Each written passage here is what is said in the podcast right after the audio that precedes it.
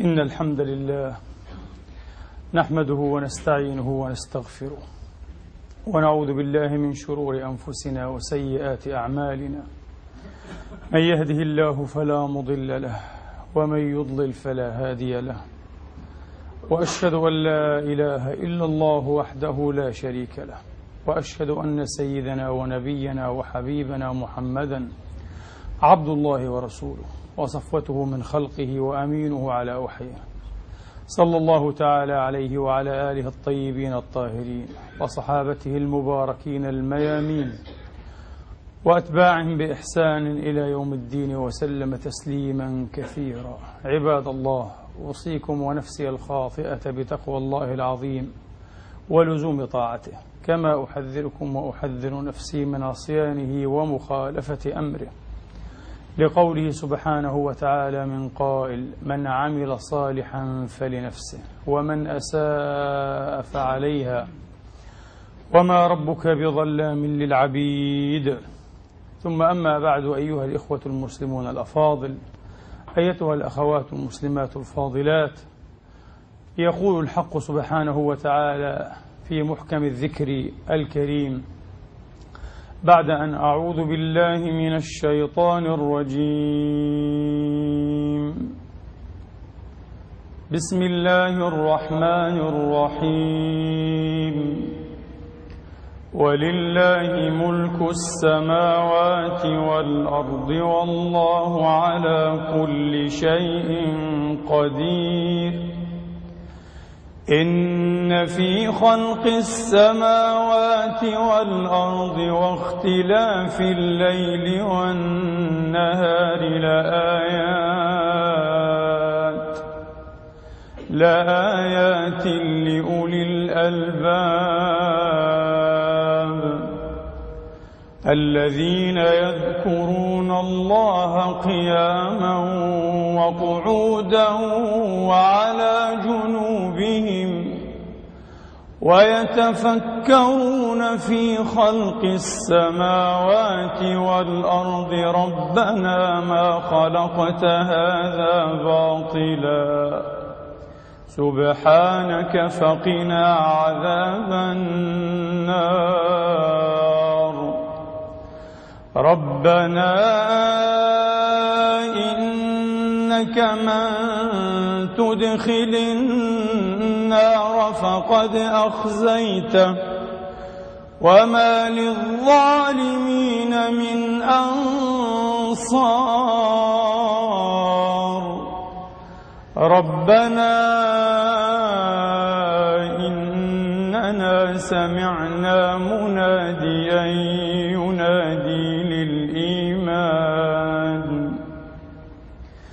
سمعنا مناديا ينادي للإيمان أن آمنوا بربكم فآمنا. ربنا فاغفر لنا ذنوبنا وكفر عنا سيئاتنا وتوفنا مع الأبرار. ربنا وآتنا ما وعدتنا على رسلك ولا تخزنا يوم القيامة. إنك لا تخلف الميعاد.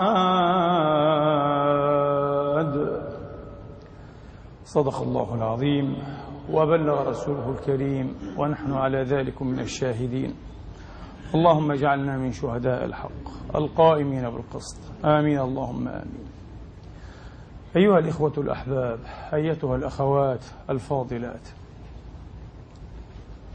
لا نقول لعله بل نقطع بها قطعا. لا يوجد دين أو شرع إلهي حض على إعمال العقل وتنمية ملكات التفكير ومواهب المحاكمة والمقارنة والمحاسبات العقلية كهذا الإسلام الحنيف. إن في خلق السماوات والأرض واختلاف الليل والنهار لآيات لأولي الألباب الذين يذكرون الله قياما وقعودا وعلى جنوبهم ويتفكرون ويتفكرون ولم يقل يفتكرون. والأصل فيها من غير مبالغة أن يقول يفتكرون لكنه لم يكتفي ولم يجتزئ بهذه الصيغة وإنما عدل عنها إلى صيغة المبالغة الدالة على الإكثار وعلى التعمق أيها الإخوة. يتفكرون إنها صيغة مبالغة أيها الإخوة. وفي المأثور النبوي الشريف أن فكر ساعة أو تفكر ساعة خير من عبادة سنة. وفي بعض الآثار وإن كانت ضعيفة خير من عبادة ستين سنة. وقد يرى بعضهم مبالغة في أمثال هذه المأثورات. ولن نخوض أيها الإخوة في مسألة الأسانيد لكن المعنى صحيح البتة صحيح تماما أيها الإخوة. لا نقول لا خير ولا جدوى في دين لا يقوم على فكر على افتكار أو تفكر وعلى تعقل في آيات البقرة لآيات لقوم يعقلون. إن في ذلك لآيات لقوم يعقلون. هنا إنها آيات لأولي الألباب الذين يتفكرون أيها الإخوة. بل نقول لا خير في امرئ لا خير في إنسان لم ينم في نفسه في شخصيته هذه الملكات والمواهب. هذا بالكاد يكون إنسانا. هذا بالكاد يكون إنسانا. إنه أشبه أيها الإخوة بتلك الكائنات التي تخضع لغرائزها. لأن العقل منقوص الحظ عنده.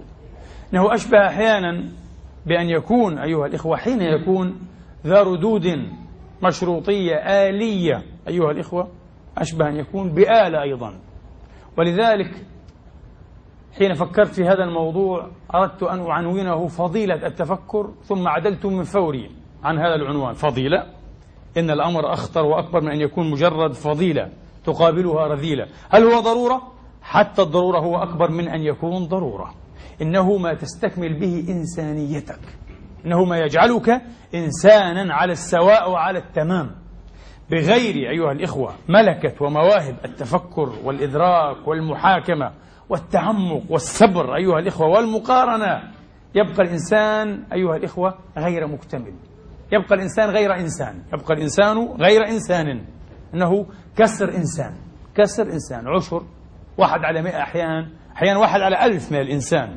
بعض الناس سيبدهني بقوله ربما مناجيا نفسه هذا الموضوع لا يعنيني ابتداء. لست مهتما أن أصير من أصحاب الفكر اللامعين أو الطافئين. بعض الناس قد يقول هذا. القضية يا أحبابي ليست أن تكون مفكرا لامعا أو مفكرا غير لامع. إنها مسألة متكاملة أيها الإخوة مسألة إطارية. آه. من لم ينم في نفسه في شخصيته هذه الملكات أيها الإخوة على وجه من الوجوه سيمنى بالفشل الذريع حتى في أبسط وأخطر ميادين حياته. الميدان العلائقي سيفشل أن يكون زوجا ناجحا زوجة ناجحة. أبا ناجحا موفقا صديقا موفقا محبوبا أيها الإخوة أثيرا. سيفشل سيفشل في كل هذه الأشياء لأنه لا يتعاطى مع الأمور بتفكير مدروس صائب عميق. إنه لا يتعمق إنه كما قلنا كسر إنسان إنه ضحل. إنه ضحل ليس له أعماق ليس له أعماق. هذه الأعماق لا نولد بها. والله أخرجكم من بطون أمهاتكم. لا تعلمون شيئا. من هنا قيل في الأمي إنه أمي لأنه يبقى على الحالة التي خرج عليها من رحم أمه. هذا معنى أمي. كهذا الطفل لا يعلم شيئا. ومن هنا كانت الأمية. ليست أمية الخط والحرف فقط وهذه أبشعها وإنما أمية الثقافة والفكر. أمية الفهم أيها الإخوة. أمية الفهم. كانت أكثر من مقبحة وأكثر من قصور أيها الإخوة وأكبر من جمود. إنها شيء ينتقص إنسانية الإنسان كما كررنا ذلك غير مرة. في الحقيقة الذي أوحى إلي بهذا الموضوع والذي سنتجاذب شيئا من أطرافه وهي كثيرة جدا أيها الإخوة عصية على الحصر ليس في هذا المقام بل في مقامات كثيرة جدا. أنني كففت منذ مدة أيها الإخوة عن متابعة البرامج التلفازية فيما عدا الوثائقيات وقليل جدا من الأخبار البائسة القابضة المقبضة أيها الإخوة. لكن بالأمس وأول أمس. آه. وهكذا بطريق الاتفاق وأنا أقلب. تابعت بالأمس أكثر يعني أجزاء حلقة إسلامية يقوم بها دكتور مسلم بارك الله فيه عن التربية. اتفاقا في الليل. ولكن ما صدمني أيها الإخوة أنه لم يكن هناك إطار للتفكير ضمن الحلقة كلها. لا من مدير الحلقة ولا من المدعوين وهم دكاترة بعضهم في علم النفس والتربية. لي ليس هناك إطار للتفكير. لذلك الأسئلة والجوابات والنقاشات أيها الإخوة تائهة ومتناقضة. يقول شيئا ثم بعد قليل ينقضه مباشرة مع أنه لا يشعر بأنه يتناقض مع نفسه ولا يشعر لأن الإطار غير موجود. الإطار غير موجود. أنت لا تستطيع أن تحاكم شيئا إلا ضمن إطار ضمن نموذج الإطار غير موجود لذلك هو لا يشعر بتناقضه أنا أشعر به تماما مجسما وقبيحا. هو لا يشعر مدير الحلقة لا يشعر. الجمهور الذي يصفق على الحامي والبرد كما يقال لا يشعر. المسكين شيء محير. ثم إن هذا الرجل الفاضل بارك الله فيه وجزاه الله على نيته وعلى جهده أيضا خير الجزاء وإن خالفناه في قليل أو كثير. أدار الحلقة كلها بطريق السؤال الحدي. السؤال الحدي. هكذا أو هكذا لمن القرار للآباء أو الأبناء باستمرار. وحين أراد بعض المتداخلين أيها الإخوة بذكاء ربما على خلفية علمية تربوية أن يفهمه لأنه هو فاهم أن المسألة ليست حدية على هذا النحو كان يقفهم دائما ويقول النقاش في آخر الحلقة. طبعا أنا كنت متأكد كنت متأكدا ليس هناك ثمة نقاش وفعلا لم يكن هناك ثمة نقاش. هو عنده دوغموات عنده دوغما أيها عقيدة غير مبررة يريد أن يقضي بها وانتهى كل شيء. هذا كل ما لديه. لا تستطيع أن تقومه في حلقة وهو, وهو لا يريد عصي على التقويم. القرار لمن؟ للأبناء أو الآباء؟ كإطار أيها الإخوة هل يمكن التعاطي مع الحياة الإنسانية في أبسط مستوياتها خاصة العلائقية؟ ضمن هذه الحديات هل يوافقنا عالم نفس أو تربوي أو عالم اجتماع في هذا العالم الحر أيها الإخوة؟ أه؟ في عالم الناس الداركين والفاهمين والدارسين والذين يتميزون حقيقة بمصداقية أوسع منا بكثير حين يتكلمون فيما يعرفون وحين يسكتون عما لا يدرون. هل يوافقنا أحد على أن الحياة يتعاطى معها على هذا النحو الحدي الهندسي الرياضي؟ مستحيل. مستحيل. الحياة الإنسانية أيها الإخوة عالم من المتصلات. ولذلك مثلا مثلا لو طرح هذا الرجل أو طرح عليه سؤال من مثل هل توفر المال عامل منتج مفرز للسعادة أو مفرز للشقاء؟ والجواب مهما كان بنعم أو بلا بهذه أو بهذه فهو خطأ. قطعا خطأ. لماذا؟ لأننا نرى أيها الإخوة بعض الفقراء سعداء ونرى كثيرا جدا جدا جدا من الأغنياء أشقياء. إذا ما الحل أيها الإخوة؟ الحل ليس في جواب حدي عن سؤال حدي. المال سبب أيها الإخوة إذا توفر في السعادة وهو أيضا سبب في الشقاء إذا فقد ليس الأمر هكذا. الأمر لابد أن يطرح أيها الإخوة السؤال ضمن فلسفة خاصة. ضمن أي فلسفة للحياة تتحدث؟ أنت وتسأل. هناك فلسفة قضية معقدة. قضية السعادة والشقاء معقدة جدا. ليس بهذه البساطة أو ليست هي بهذه البساطة. حقا أيها الإخوة في أغلب الحالات إذا فقد المال يتسبب فقده في الشقاء في شقاء هؤلاء المعوزين. في أكثر الحالات هذا صحيح قطعا.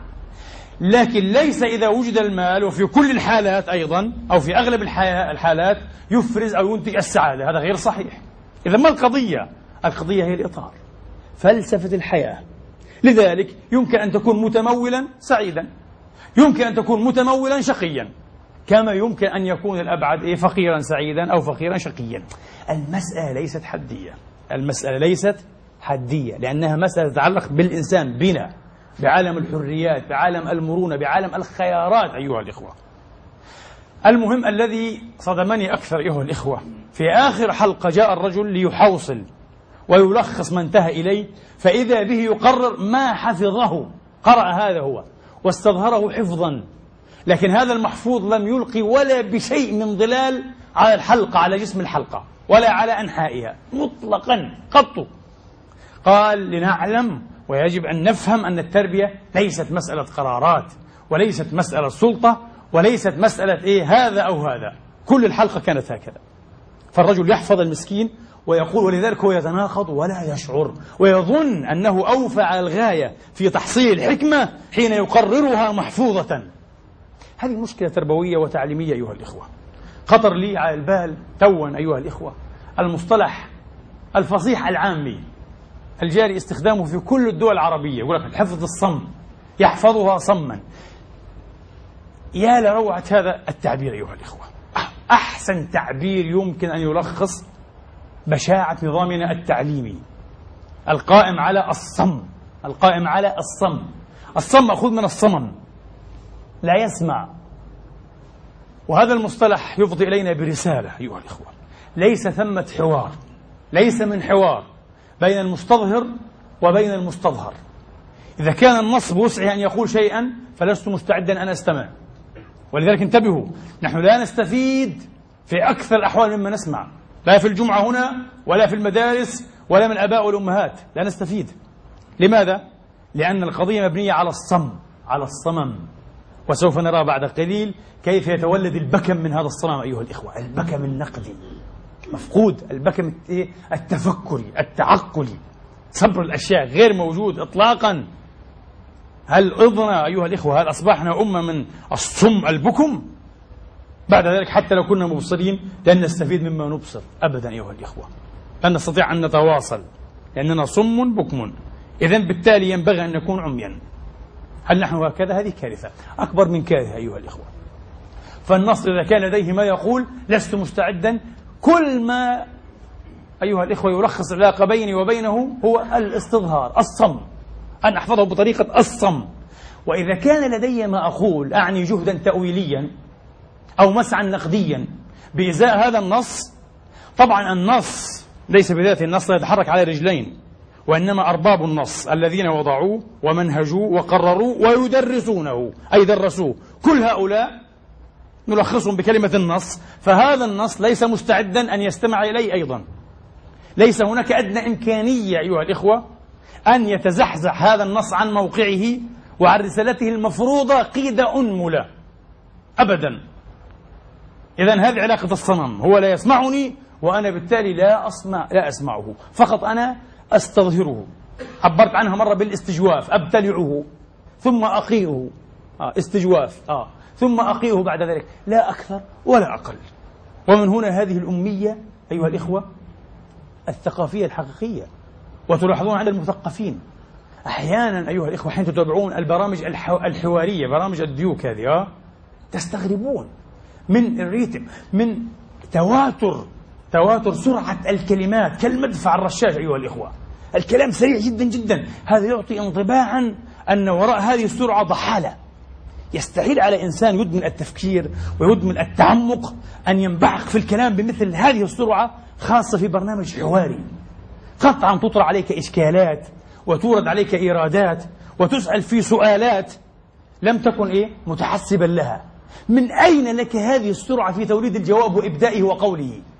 لأنك لست جادا في أن تسمع السؤال ولست جادا في أن تقول جوابا حقيقيا. يقنعك قبل أن يقنع الآخرين. أنت جاد فقط في أن تتكلم. مشكلة كبيرة هذه. أول أمس أيها الإخوة وهذا الذي فعلا اضطرني أن بارك الله فيك حبيبي اضطرني أن أتكلم في هذا الموضوع العجيب. أول أمس شيخ مظهره طيب حقيقة تعلوه سماء التقوى كما يرى وهو دكتور في الشريعة يتكلم عن المحبة. وبأسلوب هادئ ولطيف لكن يفتخر الانسجام المنطقي. تماما كطريقة العوام. يتكلم عن المحبة ويقول وألقيت عليك محبة مني يقتبس القرآن يستشهد بهذه الآية. إذا إذا يقول إذا إذا هو يرتب ما شاء الله استخلاصات استنتاجات من الآية. إذا هذه المحبة أيها الإخوة لا بد لها من عمل ولا بد لها من جهد ولا بد لها من سعي. هذا الكلام صحيح كلاما وخاطئ استخلاصا. المحبة في الأغلب تحتاج إلى عمل. لو أنه احتج بحديث أبي هريرة في البخاري وعند أحمد ولا يزال عبدي يتقرب إلي بالنوافل حتى أحبه لفهمنا أن الاستخلاص صحيح. لكن أن تستشهد بآية هي عكس ما قصدت إليه تماما من استخلاص الله يقول في حق موسى الرضيع الذي لا يملك من أمر نفسه شيئا قطعة لحم. يقول وألقيت عليك محبة مني. أي عمل قام به هذا الرضيع؟ أي جهد وأي جهاد للنفس قام به هذا الرضيع المسكين؟ بالعكس هذه مسألة هبة إلهية. لما علمه الله الذي قال واصطنعتك لنفسي مسألة اصطناع. مسألة اصطفاء واصطناع أيها الإخوة. كيف جاز على هذا الدكتور أيها الإخوة أن يستخلص هذه النتيجة؟ الصحيحة أيها الإخوة قولا. والخاطئة استخلاصا من هذه الآية لا أدري. طبعا والجلوس والمستمعون أنا متأكد إلا قليلا أيها الإخوة. مبسوطون هم مسرورون على هذا الاستخلاص تفكير سليم ليس سليما بالمرة إذا لسنا جديين أيها الإخوة لسنا جديين هكذا اعتدنا ربما هكذا اعتدنا هل نخاف من التفكير؟ هل نخاف من تفعيل ملكيات العقل؟ هل نخاف من السؤال وطرح السؤال أيها الإخوة بشكل مستمر؟ هل نخاف من الحوار؟ لقد قلت مرة عبارة جسورة جدا جدا لست أندم عليها بل أكررها اليوم الله لا يخاف من النقاش طبعا نعلم لأنه ناقش إبليس وناقش الملائكة. الله لا يخاف من النقاش. لماذا نصوره على أنه يخاف من النقاش؟ حين نزعم في دفاع عن القرآن وعن الدين وعن العقيدة أيها الإخوة وبطريقة تعسفية لا ينقصها الكثير جدا من العصبية والنرفزة والتكفير والتجديد والتعنيت والإعنات أيها الإخوة. نزعم أن الله يخاف من النقاش. بالعكس حسب تجربتي المتواضعة فعلا الله لا يخاف من النقاش. أنا حاولت أن أقرأ في مسيرتي لأعتى العقول الملحدة في التاريخ الإنساني. وصدقا كان بيني وبين نفسي عهد ضمني. أنني كل ما أقتنع به فسوف أصدر عنه حتى لو كان الإلحاد. طبعا لأن الله هكذا أفهم أنا. ما دمت مؤمن أيها الإخوة فأنا في إطار إيماني هذا أفهم أن الله سبحانه وتعالى يوم القيامة لن يحاسبني لن يجازيني لن يسائلني على ما فهمه غيري على ما قرره غيري على ما خبره غيري. قطع مستحيل. كل نفس بما كسبت رهينة. وإن كانت أفكار الانحطاط أيها الإخوة وأفكار الطغيان الفكري والسياسي والاجتماعي تفهمنا العكس تماما. أن عليك أن تقلد الخبيرين والحكيمين والدارسين والواصلين لكي تنجو. عليك أن تكون إمع عليك أن تكون إن امتثاليا. عليك ألا تنمي أي شيء. لو كان الله يريد الأمر على هذا النحو أيها الإخوة هل يعجزه أن يخلقنا بكيفية تحقق هذه الغاية؟ بمعنى أن يخلقنا بحيث ينوب كل واحد عن مئة مليون. يعني مئة مليون بلا عقل وواحد بعقل يقودهم يستطيع. الله تبارك وتعالى يستطيع أن يخلق حياة. وهذا بعقله أن يدبر لهؤلاء المئة المليون كل شؤون حياتهم. عقل كوني كبير يعني. ممكن. لكن في هذه الحالة لن يكونوا بشرا. سيكون هو البشري الوحيد هذا صاحب العقل. أما هم فآلات أو أشباه آلات يديرها هذا المبرمج. الله لا يريد هذا. حين وضع لكل واحد منا في جمجمته في تجويف جمجمته دماغا أراد أن يقول له أراد أن يكون له ليس مجرد دماغ بل عقل أيها الإخوة أن يكون له عقل. الله سيحاسبني على ما انتهى إليه عقلي أنا. ليس على ما انتهى إليه عقل ابن تيمية أو الفخر الرازي أو الشافعي أو حنيفة أو سفيان أو زيد أو عمر من الناس قطعا حتى أن أخطأت. أنا بيني وبين نفسي أعتقد أيها الإخوة أو على الأقل يغلب على ظني أنني حتى لو لقيت الله وعندي بعض الشك لكن هذا الشك ليس لإرادة أن أشك وإنما جاء اعترضني في مسيرتي. هذا الشك سيشفع لي إن شاء الله.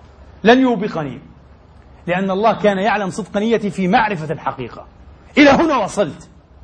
لم يمهلني العمر. عندي متسع كبير في رحمة الله. لكن ما تعلمنا إياه الأفكار التقليدية. أن عمر بن الخطاب قال اللهم إيمانا كإيمان العجائز بئس الكذب على عمر.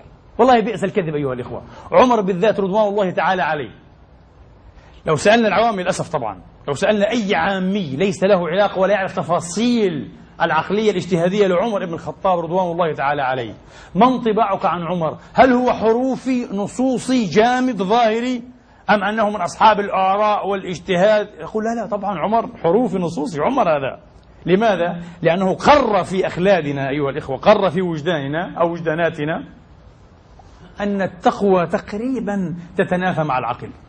إذا أردت أن تكون تقيا وعبدا صالحا عليك أن تسلم بكل شيء من غير طلب تبرير من غير محاكمات من غير طرح أسئلة. سلم يا أخي ويسلم تسليما.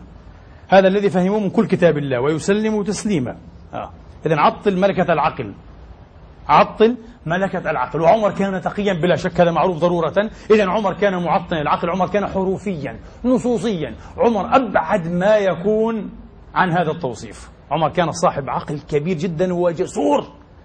عمر له اجتهادات لو اجتهدها مجتهد الآن مسلم في القرن الحادي والعشرين لكفر مباشرة سيكفر. عمر أيها الإخوة اجتهادات خطيرة في معرض نصوص واضحة أيها الإخوة. له اجتهادات. كان شخصية مقاصدية كان يدور مع جوهر الدين لا مع حروفه ونصوصه أيها الإخوة.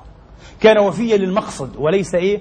للنص الذي قد يكون أحيانا أيها الإخوة مراعيا لمظروفيات كثيرة. عمر كان يفهم هذا. وكان جريئا. وأنا متأكد كان يتعبد الله بهذا الاجتهاد الجسور. رضوان الله تعالى عليه. لكن الآن صرنا أيها الإخوة إلى دورة تاريخية للأسف. انحطاطية. لا. نرى أن التقوى والعقل التقوى والاجتهاد يتناقضان يتعاندان ولا يتآزران. فالأفضل إذا أردنا أن يسلم ديننا أن نسلم وأن لا نسأل. طب بعد ذلك لو اعترضنا سؤال على الرغم منا بأخر في آخر حياتنا وزلزل إيماننا وزلزل عقائدنا ماذا نفعل؟ قبل يومين أيضا أيها الإخوة كنت أجلس ألهو بلعبة تعتمد على الذكاء والخطة خطة مسبقة مع أهلي مع زوجتي وابننا الصغير يلهو إلى جانبنا غير عابئ وغير فاهم لأنه دون سنتين ليس لديه أدنى دراية بخطتي في هذه اللعبة لكي أكسبها ولا بخطة أمه طبعا بداهة لا يمكن. هو يرى أحجار حمراء وخضراء تنزل لا يعرف ما القصة. آه. لعبة هكذا. فقلت لها سأقول لك شيئا. وهذا الشيء سيشكل مفتاحا لحل مشكلة من أكبر المشاكل الفلسفية التي تؤرق الذهن الديني اللاهوتي والفلسفي إلى اليوم في الإسلام والمسيحية واليهودية والفلاسفة أيضا عقلانيين وغير عقلانيين. قالت كيف؟ قلت لها هل إبراهيم هذا؟ وهو دون السنتين. في ظنك في تقديرك. عنده أي دراية بخطتي لكسب المعركة هذه؟ معركة اللعبة؟ قالت مستحيل. بخطتك أنت؟ قالت مستحيل بداهة. قلت لكن انتظري. أخته وهي في السادسة من عمرها تلعب هذه اللعبة وأحيانا تكسبها تغلبني وتغلبك. قالت صحيح. قلت ما يعني أنه في ظرف أربع سنوات ستجسر هذه الفجوة ستردم بين إبراهيم هذا الصغير وبيننا. إذا تعلق الأمر بالذكاء وبمعرفة الخطة أيها الإخوة سيتم الردم والتيسير في أربع سنوات فقط. قالت ماذا يعني هذا؟ غير مفهوم. قلت لها يعني أن نطرح سؤالا. الفرق إذا تعلق بفهم الخطة أيها الإخوة الكذائية الخطة المعنية هنا في اللعبة سيردم في أربع سنوات. فإذا طرحنا سؤالا والفرق إذا تعلق بفهم الخطة الإلهية في الوجود في وجود الشر في وجود العذابات المعاناة الحروب الفقر الأمراض الكوارث الطبيعية وبشكل عام في وجود الشر الأنطولوجي الذي يقال الله مسؤول عنه طبعا وفي وجود الشر الأخلاقي البشر مخلوقون عنه. الحروب هذا شر ليس وجوديا هذا شر 90% طبعا عنده جانب وجودي معروف. الغرائز آه. لكن 90% هو شر أخلاقي. حتى الفقر شر أخلاقي أيها الإخوة. حتى جزء كبير من الأمراض شر أخلاقي. وبعضها جزء منه شر وجودي. ما يتعلق بالأصل والمنشأ وجودي. ما يتعلق بالعلاج والعلاجات وتجارة العلاج لا شر أخلاقي. وهكذا لدينا الشر الوجودي الله مسؤول عنه كما يقال. شر أخلاقي نحن مسؤولون وما هو مزيج خلطة من الشر الوجودي والأخلاقي. نحن مسؤولون بقدر والله أستغفر الله العظيم اللهم غفرا مسؤول كما يقولون. طبعا لا يسأل عما يفعل. بقدر هكذا يزعمون. قلت لها في كم سنة سيردم هذا؟ قالت مستحيل. قلت صحيح. لو عشنا بلايين السنين لن نردم هذا الفرق ولن نجسر هذه الهوة بحيث نغدو قادرين على التعاطي وعلى الدقيق وعلى فهم معالم وتفاصيل الخطة الإلهية في الخلق. انتبهوا لكن هذا نصف المصيبة نصف الجواب وهو مصيبة بحد ذاته. آه. بمعنى بعضهم قد يقول هل الأمر عويص إلى هذه الدرجة أعوص مما تتصورون. أنا قرأت كتابا كاملا لفيلسوف إيراني أجل وأحترم رحمة الله عليه. ذهب شهيدا أه. عن هذه المسألة مسألة العدالة العدل الإلهي. وأتى بجوابات. يظنها مرضية يظنها مقنعة. لماذا ينبغي أن يكون هناك الامتحان والابتلاء والشر والمرض والعذابات؟ جواب من الجوابات التي أوردها وهو صادق عليها طبعا مع أنها صحيحة نسبيا وليست بإطلاقه لأن هذا ضروري لإنضاج الإنسان لكي يكتمل الإنسان أيها الإخوة وينضج. لا بد له من أن يمر بهذه الأشياء. لكن مثل هذا الجواب المرضي نسبيا يتغافل عن حقيقة صادمة. ما هي؟ وهل هذا أيها الإخوة هل هذا العذاب هل هذه المرائر والمصائب والآلام المبرحة ضرورية لإنضاج شخصية طفل مات في الرابعة من عمره دون سن التكليف؟ ولد مشوها وعانى عذابات أليمة جدا جدا في المشافي والعيادات ثم مات في الرابعة من عمره. أين الإنضاج هنا؟ غير موجود. لن تفهم هذا. ها؟ هل هذا ضروري لإنضاج شخصيات الحيوانات التي أباح الله لنا ذبحها وأكلها مقتول ومأكول؟ هل عندها رسالة كونية الحيوانات أيضا لابد أن تنضج شخصياتها؟ أم أن هذا مسلك أنسني للحيوانات؟ إذا عذابات الحيوانات وعذابات الأطفال أيها الإخوة عذابات الأطفال. الجواب هنا قاصر حتما هو قاصر. لأن هناك سيبقى أيها الإخوة دائما ما لا يفهم ما لا يدرك على الأقل في جزئيته لن تستطيع أن تفهمه لن تستطيع. آه. ستقول لي هذا ضروري لفهم التكامل في الوجود عبر ضديد الأشياء أو أضداد الأشياء. وسيأتي السؤال ولما أنا بالذات؟ لما أنا كبش الفداء؟ حتى تفهم أنت أنا أعاني ستين سنة. لما؟ هل ستفهم؟ هل عندك جواب؟ هل تستطيع أن تضع يدي على الحكمة في حالتي أنا الراهنة؟ يستحيل. ومأساة الإنسان أيها الإخوة مأساة الإنسان في نهاية المطاف أنه حين يتألم يتألم وحده لا يتألم أحد معه. أبدا مستحيل. آه. قد يسلي الناس لكنهم لا يتألمون لا يشعرون بألمه. مستحيل. آه. ولذلك أيها الإخوة لا بد أن نفضي أو يفضي بين المقام إلى النصف الآخر من الجواب وهو خطير جدا. بعض الناس اتخذ هذا الجواب ذاته تكئة للإلحاد. قال إذا كان لهذا الرب أيها الإخوة عذر فهو أنه غير موجود أما إن كان موجودا فالقضية غير مفهومة ولذلك هو غير موجود كيف؟ قالوا لو كان موجودا إما أن يقدر قادرا حكيما وإما أن يقدر عاجزا معتسفا إله عاجز معتسف ليس بإله انتهى كل شيء طب إن كان قادرا حكيما لما أيها الإخوة وهذا في قدرته في ضوء قدرته آه. لما اقتضى إيه بحكمته خلق هذه العذابات والمرائر. لما؟ لم يجعل الناس جميعا أيها الإخوة في حال من الهناء والمعافاة مع ما يحقق في نفس الوقت الحكمة التي أرادها بخلق الشرور والعذابات وهو قادر على هذا لكنه لم يفعل. هل هو رب شرير؟ يتساءلون. إذا كان شريرا فليس بنا حاجة إليه لا نريده ربا. ألحدوا أستغفر الله العظيم. اللهم غفرا. أشياء محيرة تماما لكن طريقتنا ابتداء صحيحة إذا جاز أن تجسر الهوة أيها الإخوة بيننا كبشر في بضع سنوات وأحيانا لا تجسر لافتراق الملكات بشكل غير عادي أيها الإخوة. يعني أحيانا بعض الناس لو عاش مليون سنة لن يصل إلى درجة يفهم بها فهما حقيقيا ما فهمه ألبرت أينشتاين. لن لن يستطيع. سيردد لكن لن يفهم. وهذا بين بشريين بين آدميين. فكيف بين آدمي وربه لا إله إلا هو؟ بين التراب ورب الأرباب؟ مستحيل أن تجسر هذه الهوة لكن الخطير الآن وهو أخطر. هل يعني هذا التفكير أيها الإخوة الوصول بنا إلى عدمية؟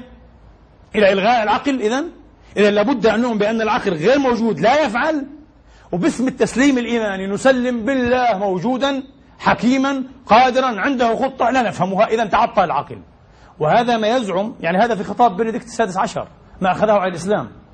قال العقل في الإسلام آه معطل غير مسموح له أن يعمل. وحين أراد ابن رشد أن يشغله اتهم بالزندقة وحقت كتبه وكان مصيره ما تعرفون. فالعقل في الإسلام غير عامل وأنزعم أنه دين العقل ودين الفكر معطل. عند هذه الحدود يزندق العقل يكفر ممنوع أن يسأل. وهناك نصوص فأمسكوا. تمسك خلاص. أحسن لك أن تمسك. لا. أنا عندي جواب عن هذه المعضلة وهي معضلة كبيرة أيها الإخوة كما يبدو. ما هو؟ سنقول ما وصلنا إليه لا يعني عدمية ولا يعني استقالة أو رسالة العقل بأن يستقيل أيها الإخوة يسرع على التقاعد أبدا. كيف؟ كيف؟ لو نظرنا في هذا الوجود القائم الآن بما فيه كوكبنا بما فيه مسيرتنا الإنسانية هل هذا الوجود عابث مشاكس أم وجود عاقل وهادف؟ واسألوا العلوم والرياضيات والفلك. واسألوا أنفسكم واسألوا عيونكم وأسماعكم. هناك خطة. بالعكس هو وجود هادف وعاقل ودقيق ومحكم. هناك دقة هناك إحكام في الوجود. لا يمكن أن يخطئها إيه؟ نظر أي إنسان موضوعي محايد موجود أيها الإخوة. لو كان هناك يوميا اصطدامات آي الأرض بنيازك وشهب وكواكب أخرى وموت الملايين ويوميا طوفانات وزلازل وأشياء غير محسوبة. لو كانت هناك أيها الإخوة لا إمكانية عدمت الإمكانية لقيام العلم. مش هنفهم ما عندناش قدرة حتى تنبؤية أن نفهم أي شيء.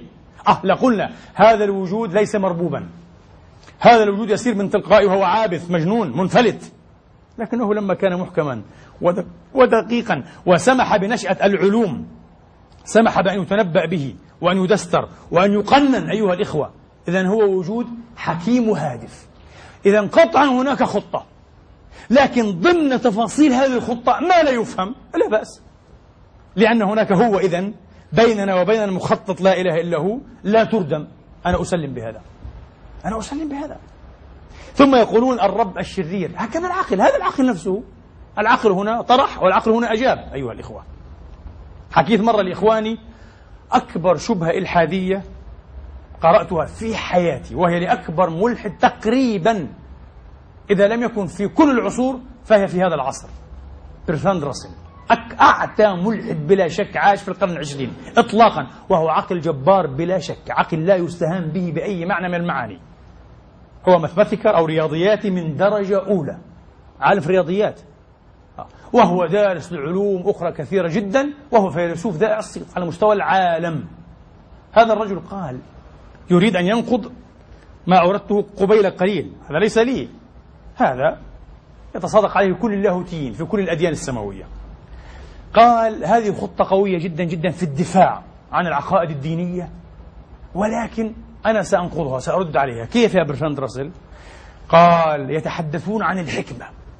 وأن الكون أيها الإخوة محكوم بخطة حكيمة وهناك قصدية وهناك هدفية وهناك انتظام وهناك اتساق في هذا الوجود. قال أقول كل هذا هراء. كيف هراء؟ قال نحن نسمي ما وجدناه حكمة. لأننا وجدنا الكون هكذا. ليس عندنا تشويس ليس عندنا خيار ليس لدينا خيار آخر. يقول برتراند راسل وهو إلى الآن محقق أيها الإخوة لو خلق الكون هذا بطريقة أخرى مختلفة تماما فسنقول ما أحكمه كون حكيم دقيق منظم لأننا هكذا وجدناه. إذا يريد أن يقول ليس هناك إيه؟ مصداق حقيقي لمصطلح أو مفهوم حكمة وحكيم وهادف وقصد. هذا الكلام اعتباطي نقوله أيها الإخوة. لماذا؟ توصيفا لواقع ليس لنا الخيار في تبديله. كلام حين تقرأه لأول مرة يزلزلك لكنه في منتهى الغباء. ما رأيكم؟ أكبر حجة لأكبر ملحد هي في منتهى الغباء. تعرفون كيف؟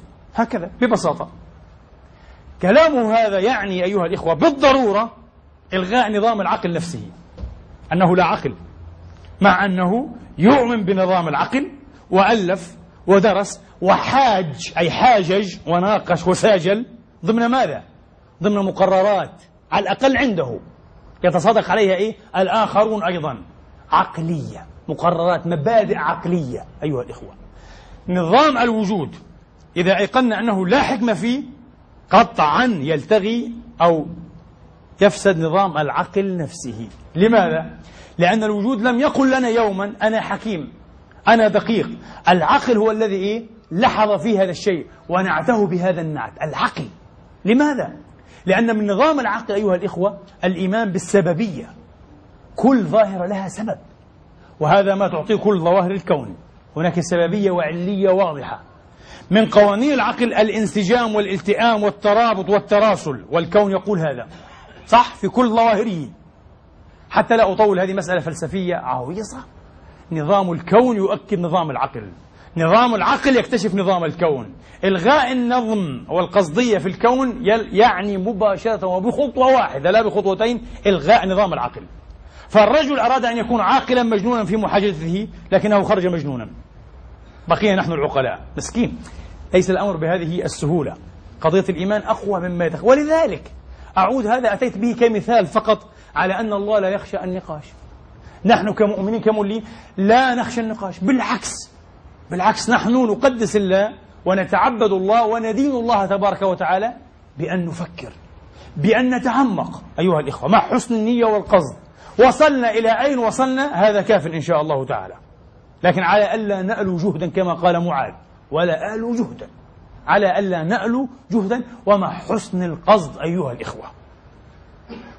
قصة الشك أيها الإخوة الذي يلمح إليه القرآن على أنه اعترى بعض الأنبياء أن كنت في شك. ها؟ قصة إبراهيم أيها الإخوة. والعلماء فيها تأويلات مختلفة. لكن لما؟ أليس النبي في نهاية المطاف إنسانا؟ وأليس إنسانا عاقلا في أرفع رتب العقل. أليس من حقه هذا حق إنساني أيها الإخوة أن يحاكم وبالتالي أن يرتاب ولو لفترة لحين من الزمن من حقه. هذا انتقاص لإنسانية النبي. من حقه أن يرتاب لحين. لكن هذه الريبة بالذات كما قال ابن الهيثم رحمة الله عليه في الشكوك على بطليموس أيها الإخوة قال في بطن هذا الشك في بطن هذه الريبة يكمن اليقين. اليقين الحقيقي اليقين المبرهن هنا يكمن أيها الإخوة. وليس اليقين الذي يردد يا لتعاسة الثقافة العامة. ثقافة اللهم إيمانا كإيمان العجائز لم أحب يوما إيمانا كإيمان العجائز يوما في حياتي ولن أحبه أيها الأخوة. لأنني أعلم أن هذا الإيمان وإن كان واثقا إيمان العجائز واثق جدا. إيمان جدتك وجدتي واثق جدا جدا. هي تؤمن بالله أكثر ما تؤمن بنفسها. ولكنه ضحل جدا جدا جدا. كم هو ضحل؟ لكن كم هو؟ وثيق قوي جدا لكنه ضحل لا نحن نريد إيمانا كإيمان العارفين. عميق جدا جدا ووثيق جدا إن شاء الله تعالى. وهذا لا يكون إلا بالفكر. بعضهم قد يقول ولكن هذا أيضا مروي وبأسانيد عن أبي المعالي الجويني. وعن الفخر الرازي شيء من هذا القبيل أيها الإخوة هؤلاء من جلة علماء العقيدة يعني فلاسفة العقيدة هؤلاء. تمنوا حين كانوا على فراش الموت إيمانا كإيمان عجائز نيسابور كلام فارغ. من ناحية إسنادية هذا كذب على أبي المعالي. لقد تتبعنا هذا إسناديا كذب. لم يثبت هذا عن الجويني أنه تمنى هذا الشيء. وحاشا لله. حاشا لله أن يكون الجويني وهو شيخ حجة الإسلام الغزالي عبر عمره المبارك كله كان مغرورا أيها الإخوة ومخدوعا. ثم انكشف عنه الغطاء لحظة موته. يعني فقط أصبح عاقلا وذكيا لحظة موته. لحظة واحدة أما طيلة حياته كان أشبه بالغبي. حاشا لله حاشا لله. لم يكن هذا شأن شيخ الإسلام إمام الحرمين حجة هذا الدين. مستحيل. يقولون الفخر الرازي نفس الشيء القصة اللطيفة والتي توردها كتب العقائد وكم هي سخيفة. تظن لطيفة وهي في منتهى السخف أيها الإخوة. الفخر الرازي يمشي أيها الإخوة محمولا على الأكف والرقاب والناس محتفون به أيام احتفاء إذ أطلت عجوز. فقالت من هذا المحمول؟ المحتفى به. قالوا هذا شيخ الإسلام الإمام فخر الدين الرازي. لماذا تحتفون به كل هذا الاحتفاء؟ عجوز لا تعرف عنه شيئا. قالوا لأن هذا الرجل وضع كتابا فيه ألف دليل على وجود الله. هذا ها حسن لو علمتم حقيقته لرجمتموه بالحجارة. لماذا؟ أيتها العجوز. قالت لأنه لو, لو لم يكن عنده ألف شك لما احتاج إلى ألف دليل. الله! نصرخ. حمقى. شو الله؟ هذه حماقة. هذا الكلام في منتهى الحمق. لا يمكن أن يسوق أنا موقن مؤمن أن الفخر الرازي لو سمع هذه الحماقة لربما دبج ألف دليل في نقضه على التو رحمة الله عليه. ومن يعرف الرازي يعرف أنه قادر على هذا الفخر الرازي لكن أنا سأدافع عنه بعد مئات السنين من ورائه رحمة الله عليه. أولا هل يعني ألف شك أيها الإخوة أنها ألف شك وقعت لي شخصيا؟ زلزلتني؟ لا. ممكن تكون ألف شك منقولة ومحاكاة صح؟ شكوك وردت على الشاكين والمشككين. أنا أذكرها كمصنف في العقائد وأجيب عنها. واحد هي أول جواب. مش شرط أن الفخر الرازي زلزل بألف شك. من أين هذا الكذب علي؟ القرآن الكريم ألا يورد شبهات أيها الإخوة الملاحدة والكفار والمشككين؟ ثم يجيب عنها. هل الله نفسه شاك أستغفر الله العظيم. هل محمد الذي نزل القرآن على قلبه شاك أيضا؟ إذ يقرر هذه الشكوك. هل كان عند محمد من الشكوك والشبه بمقدار ما أورد الله في القرآن الكريم؟ غير صحيح. غير صحيح إطلاقا أيها الإخوة. غير صحيح إطلاقا. هذا أبسط الجوابات عن هذه المسألة. وهناك جوابات أخرى كثيرة ذكرناها في درس في معرض نقاش عرضي. لكن لما هذه القصص؟ ولما توضع في الكتب؟ لكي تزيد أيها الإخوة من رذيلة تعطيل العقل المسلم. تعطيل عقل المسلم والمسلمة. آه، لكي لا نفكر. الأفضل ألا تفكروا. آه، الأفضل أن تسلموا. أطفئوا مصباح. أي عقولكم إذن؟ أطفئوا مصابيحكم. ها آه، أطفئوا مصابيحكم. للأسف الشديد. الآن بدأنا نفهم أيها الإخوة كيف يمكن لهذه الأمة أن تعيش مئات السنين. هي في الحقيقة منذ أكثر من ألف سنة. وأن تعيش في الطغيان والحرمان والهضمان أيها الإخوة والذلة والخنوع. الشعوب الأوروبية أيضا. الآن بدأنا نفهم لماذا كيف يمكن لشخصية مهووسة مثل بنديتو موسوليني مثلا أو هتلر أن يقود ملايين الجماهير المتحضرة يقال إنها متحضرة بلا شك. تكنولوجيا وعلم وفلسفات. يعني مارتن هايديغار نفسه كان ما شاء الله نازيا بمعنى أو بآخر للأسف الشديد. وهذه أكبر مقابح هذا الرجل الفيلسوف اللا عقلاني آه. النيتشوي الشوبنهاوري. آه. كيف يمكن؟ تعرفون كيف؟ حين يغيب التفكير. إذا حين تغيب الشخصية الإنسانية. حين نصبح آلات أيها الإخوة. تتحرك ضمن تفكير إيه؟ اشتراطي. هذا المسلك السلوكي البسيط جدا آه الآلي للأسف الشديد. للأسف أيها الإخوة في أمة تغيب فيها ضوابط المنطق ضوابط العقل المنهجية في أمة لا تدمن التفكير والتعمق تصبح مصادر القوة وسلطة القول محكيا كان أو مكتوبا كالتالي واحد الموقع. كل من تكلم من موقع رفيع أعني أرفع من موقعي فهو صادق. هو حذامي هذا الموقع وإذا قالت حذامي فصدقوها. هو حذامي هذا الموقع هو صادق وصائب. ولذلك بعضكم يظن أن كلامي كله صائبا كله عفوا صائب لمجرد أن أتكلم من منبر غير صحيح. ممكن أكثر كلامي خاطئ. طبيعي وبدهي. وأنا أول الناس استعدادا أن أرجع عنه. ممكن تماما. لكن لأنه يتكلم في 500 في 600 إذا لابد أن يكون صادقا. غير صحيح. في أسفل السلم أيها الإخوة الاجتماعي العوام البسطاء الممحويون. ها؟ الممحوون. يظنون أن من تكلم في تلفاز أو في راديو أو على منبر أو في صحيفة أو ألف كتابا لابد أن يكون صادقا على نحو ما. غير صحيح. قد يكون أكبر دجال. انتبهوا. فالموقع لكن سلطة الموقع لغياب ضوابط العقل ضوابط المنهج ضوابط الإدمان إدمان التفكير والتقويم أيها الإخوة. هاي واحد. اثنين. طبعا هنا قبل أن أسرد هذه الأشياء هكذا على العفو أيها الإخوة انتبهوا. أنا أتكلم فقط عن المهتمين. كل من ليس مهتما غير داخل في كل هذا السجال الطويل. طبعا. يعني مثلا في قضية يتناقش فيها أطباء. أنا غير مهتم مثلا. أنا غير أنت غير مهتم. لا قيمة لرأيك. أصلا لا داعي لرأيك. انتهى اخرج منها. والمختص في شيء عامي في غيره عامي في غيره. إذا أول شيء الموقع ثاني شيء أيها الإخوة الشهرة. فمن كان ذا لقب كبير الأستاذ الدكتور البروفيسور عضو مجمع كذا عضو نقابة كذا عضو جمعية كذا مش عارف إيه في كذا ها وهو مختص في حقله لا بد أن يكون كلامه في الأغلب صحيحا وصائبا. هذا يقوله من؟ يقوله ربما مختص مثله أقل منه بحكم الموقع مرة أخرى. أو يقوله عامي لا علاقة له بالموضوع.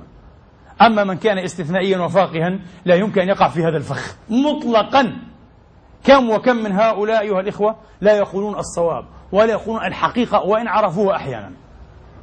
الشغلة الثالثة أو العنصر الثالث أيها الإخوة العصبية الذي عبر عنه ذاك الربعي المتعصب. قال كذاب ربيعة أحب إلينا من صادق مضاد. العصبية. كل من كان منا وعلى شاكلتنا بلوننا بلساننا من أبناء جلدتنا من أبناء ملتنا من أبناء مذهبنا من أبناء حزبنا من أبناء طريقتنا. أيها الإخوة فهو صائب وصحيح وسنصدق على كل ما يقول. العصبية قاتل الله العصبية. إنها مطفئة سرج العقول الكبرى. العصبية انتبهوا. آه. أيضا أيها الإخوة هناك السائد. وهؤلاء العوام وأشباههم من الدهماء يقولون هل يعقل أن كل هؤلاء الناس في حقولهم المختلفة يصادقون على هذه الواقعة وهذه الحقيقة وهذه الدعوة وتكون خاطئة. مستحيل مستحيل. كل هؤلاء مخطئون. وأنت على صواب؟ لكن ينسى هؤلاء أصحاب عقلية السائد والشائع أيها الإخوة أن ما هو سائد اليوم ربما قبل مئة سنة فقط كان يعتبر خرافة وأسطورة وتجديفا وزندقة. ومحض هراء علمي إذا تعلق الأمر بالعلوم. أما اليوم فهو السائد. ما رأيكم؟ صحيح. كيف تم التغيير؟ ليس بإرادة الدهماء ليس لأن الناس أرادوا أن يغيروا ليس لأن الناس اكتشفوا الحقيقة. غير صحيح.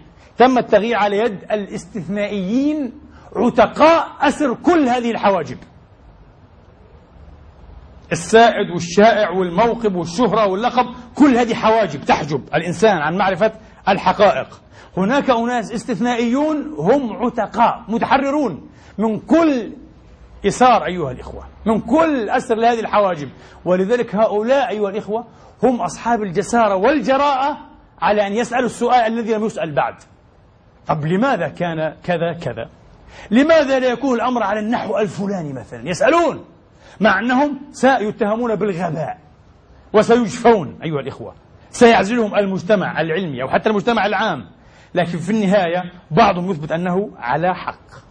لقد فعلها كوبرنيكوس مثلا وأثبت أنه على حق. مثلا فعلها ألبرت أينشتاين وأثبت أنه على حق. مع أن البشرية آلاف السنين كانت تصادق على عكس ما قال تماما. لكن هذا الاستثنائي فعلها. وهذا الاستثنائي هو الذي خلق السائد سائدك أنت. كن استثنائيا لتخلق سائدك. أحد الفلاسفة الكبار كان يقول اخدموا غرابتكم. كلمة عظيمة جدا. اخدموا غرابة. اشتغلوا على غرابتكم.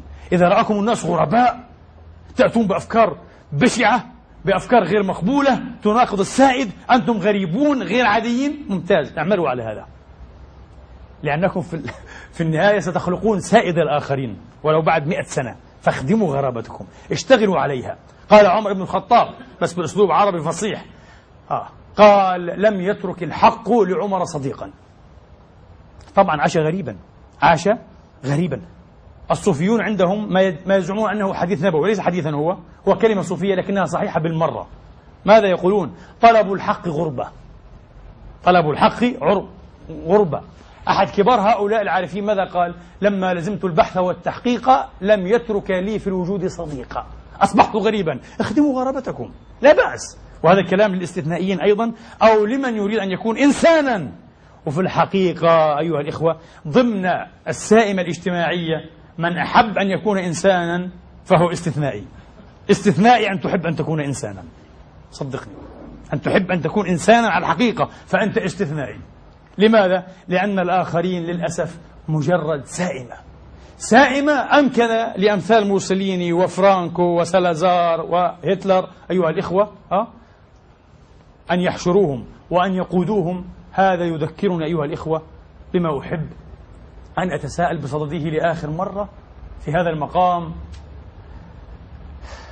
نتحدث كثيرا عن حقوق الإنسان حقه في كذا وكذا وكذا لكن هل تحدثنا عن حقه في معرفة الحقيقة حقه في الحق أيها الإخوة لماذا؟ لماذا هذا السؤال؟ طبعا هذا السؤال أنا متأكد أكثر سؤال يؤرق هؤلاء الكبار الذين يبرمجوننا يبرمجون الشعوب والأمم أيها الإخوة.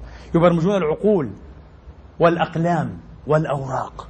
لا يحبون مثل هذا الطرح بالذات. هذا يغيظهم. من حقنا. كيف؟ إلى وقت قريب جدا كانت تنفق أموال هائلة طائلة وتبذل جهود جبارة في حشد وحشر الناس إلى محابس أسميها. إلى محابس عامة. أمثال السجون. سجون للرأي ها إلى محابس عامة. منتديات طبعا ساحات عامة. لماذا؟ بمئات الآلاف أحيانا بالمليون أو أكثر ربما لكي يسمعوا خطاب الزعيم خطاب القائد. هذا الزعيم يريد لا أقول أن يضللهم لكن يريد أن يفضي إليهم بشيء. في أكثر الأحيان هو تضليل. ثم جاء المذياع بعد ذلك الذي ترافق إلى حين مع هذه الظاهرة وبسطها ومدها حتى بلغت عشرات الملايين. ثم بعد ذلك في عصر التواصل العظيم بفضل تكنولوجيا الاتصال والمعلومات أيها الإخوة اختفت هذه الظاهرة. هل ترون الآن ملايين أو مئات الألوف يحشرون إلى ساحات عامة ليلقي الزعيم فيهم خطابا؟ لا اختفت. لماذا؟ لأن هناك آليات معينة كفيلة أن توصل صوته إلى ملايير وليس إلى ملايين. هذا مدهش أيها الإخوة وهو منجز بلا شك إنجاز كبير لكنه خطير جدا. لقد أكسبهم قدرة غير مسبوقة في التاريخ على التضليل وعلى الاستنزاف وعلى تزييف وعي الجماهير. لقد رأينا قبل سنين أيها الإخوة مليارات قريب من ثلاثة مليارات تابعوا جنازة على التلفزيون في الوقت عينه. ديانة في الوقت عينه. والآن ممكن ملايير أيضا 2 مليار مليار ونصف أن يتابعوا خطبة لزعيم معين. قدرة على التضليل.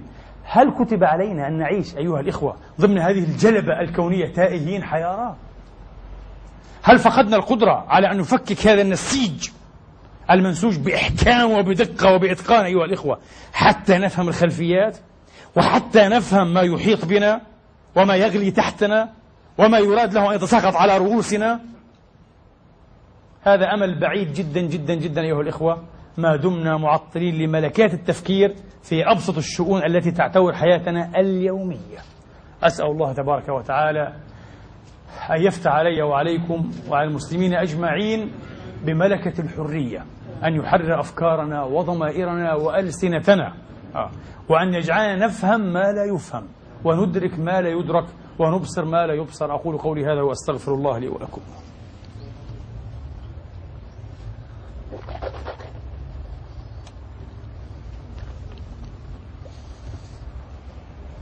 الحمد لله رب العالمين الحمد لله الذي يقبل التوبة عن عباده ويعفو عن السيئات ويعلم ما تفعلون ويستجيب الذين آمنوا وعملوا الصالحات ويزيدهم من فضله. والكافرون لهم عذاب شديد وأشهد أن لا إله إلا الله وحده لا شريك له وأشهد أن محمدا عبده ورسوله صلى الله تعالى عليه وعلى آله وأصحابه وسلم تسليما كثيرا.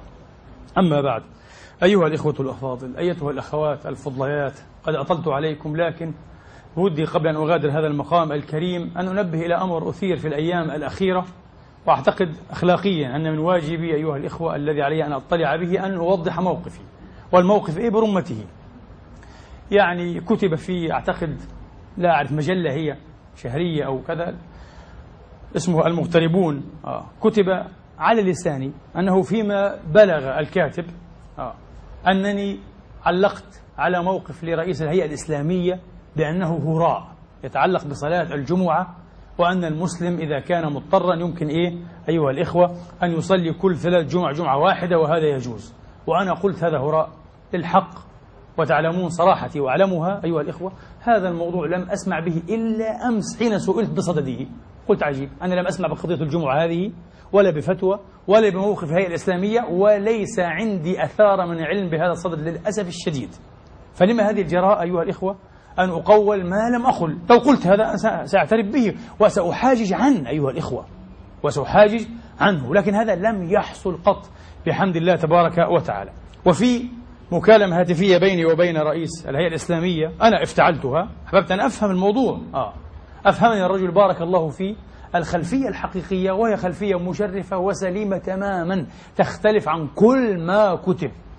مكتب العمل أرسل إلي كرئيس هيئة يطلب منه جلية الموقف الفقهي في قضية صلاة الجمعة لأن كثيرا من المنتظمين في دورات تدريبية وتأهيلية وإعادة إعادة تأهيل أيضا للعمل من المسلمين للأسف يتغيبون بحجة صلاة الجمعة. بعضهم يصلي وبعضهم طبعا لا يصلي حتى الجمعة.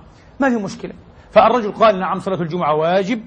قال لي الجوابات محفوظة ويمكن لأي أن يطلع عليها. أيها موجودة كلها بفضل الله. قال صلاة الجمعة واجبة وهي أمر ضروري ولا يسع المسلم أن يصليها إيه؟ فردا لابد أن تصلى في جماعة أي في المساجد. وهذا ما عندنا والسلام. رسالة ممتازة وصحيحة. فبعثوا إليه بعد ذلك يسألون. لكن ما القول إذا كان المسلم مضطرا؟ عنده امتحان عنده التزام مثلا في هذا العمل في هذا المكتب ماذا يفعل؟ مضطر هو بطريقة أو بأخرى. ليس هناك حل معين؟ قال وكنت على علم أو ذكر بأن مكتب العمل يريد أن يرفع الفيرمتلونج عن المسلمين لكثرة مشاغباتهم وعدم انتظامهم. فلم أحب أن أعطيهم ذريعة بالجمود على الموقف الأول دون ما أدنى إيه؟ إضافة.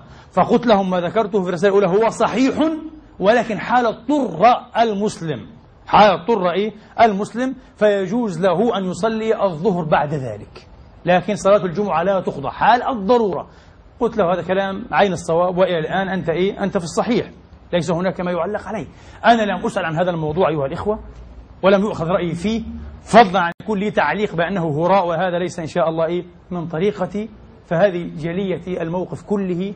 أسأل الله تبارك وتعالى أن يجعلنا متحوطين محاذرين فيما نقول وفيما نزعم أه بصدد أنفسنا وبصدد الآخرين. اللهم إنا نسألك الهدى والتقى والعفاف والغنى. اللهم اهدنا اللهم ارحمنا واعف عنا وعافنا. اللهم إنا نسألك أن تحسن عاقبتنا في الأمور كلها وأن تجيرنا من خزي الدنيا وعذاب الآخرة. اجعلنا نخشاك, نخشاك حتى كأننا نراك وأسعدنا بتقواك ولا تشقنا بمعصيتك وخل لنا في قضائك وبارك لنا في قدرتك حتى لا نحب تأخير ما عجلت ولا تعجيل ما أخرت.